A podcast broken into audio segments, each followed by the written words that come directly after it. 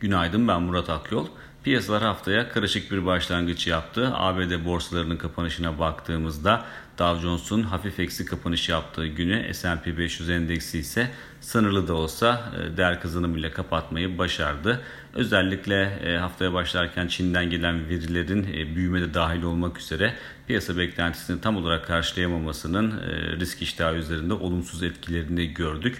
Ama özellikle Amerika açısından baktığımızda piyasaların yönünü belirleyen esas unsur unsur bilanço rakamları olmaya devam ediyor. Dolayısıyla haftanın devamında açıklanacak önemli bilançolarında bulunması gözlerin bir kez daha 3. çeyrek sonuçlarında kalmasına neden olacaktır.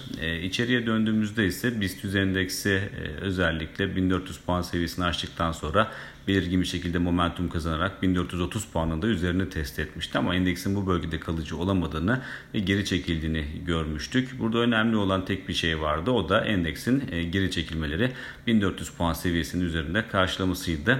E, bunu yapabildiği sürece endeks 1415 puan e, ara direnç olmak üzere yukarıda yeniden 1430 puana doğru bir hareket alanı oluştuğunu söylemek mümkün ki dünkü kapanışta zaten 1420 puanın hemen altında gerçekleşti. Yani 1415 ara direncinin de üzerinde e, kalmayı başaran bir endeks gördük. Tabi endeksin e, bu iyimserliğini devam ettirmesi TL'nin sergileyeceği performansa da bağlı. Orada yukarı yönlü denemelerin sürmesi endeks açısından da bir risk yaratan unsur olarak çalışıyor. E, bu noktada Perşembe günkü toplantıda Merkez Bankası'nın vereceği kararın hem TL açısından hem de Borsa İstanbul açısından oldukça önemli olduğunu düşünüyoruz ki haftanın e, TL varlıkları açısından en önemli konu başlığını oluşturuyor Merkez Bankası'nın gerçekleştireceği PPK toplantısı.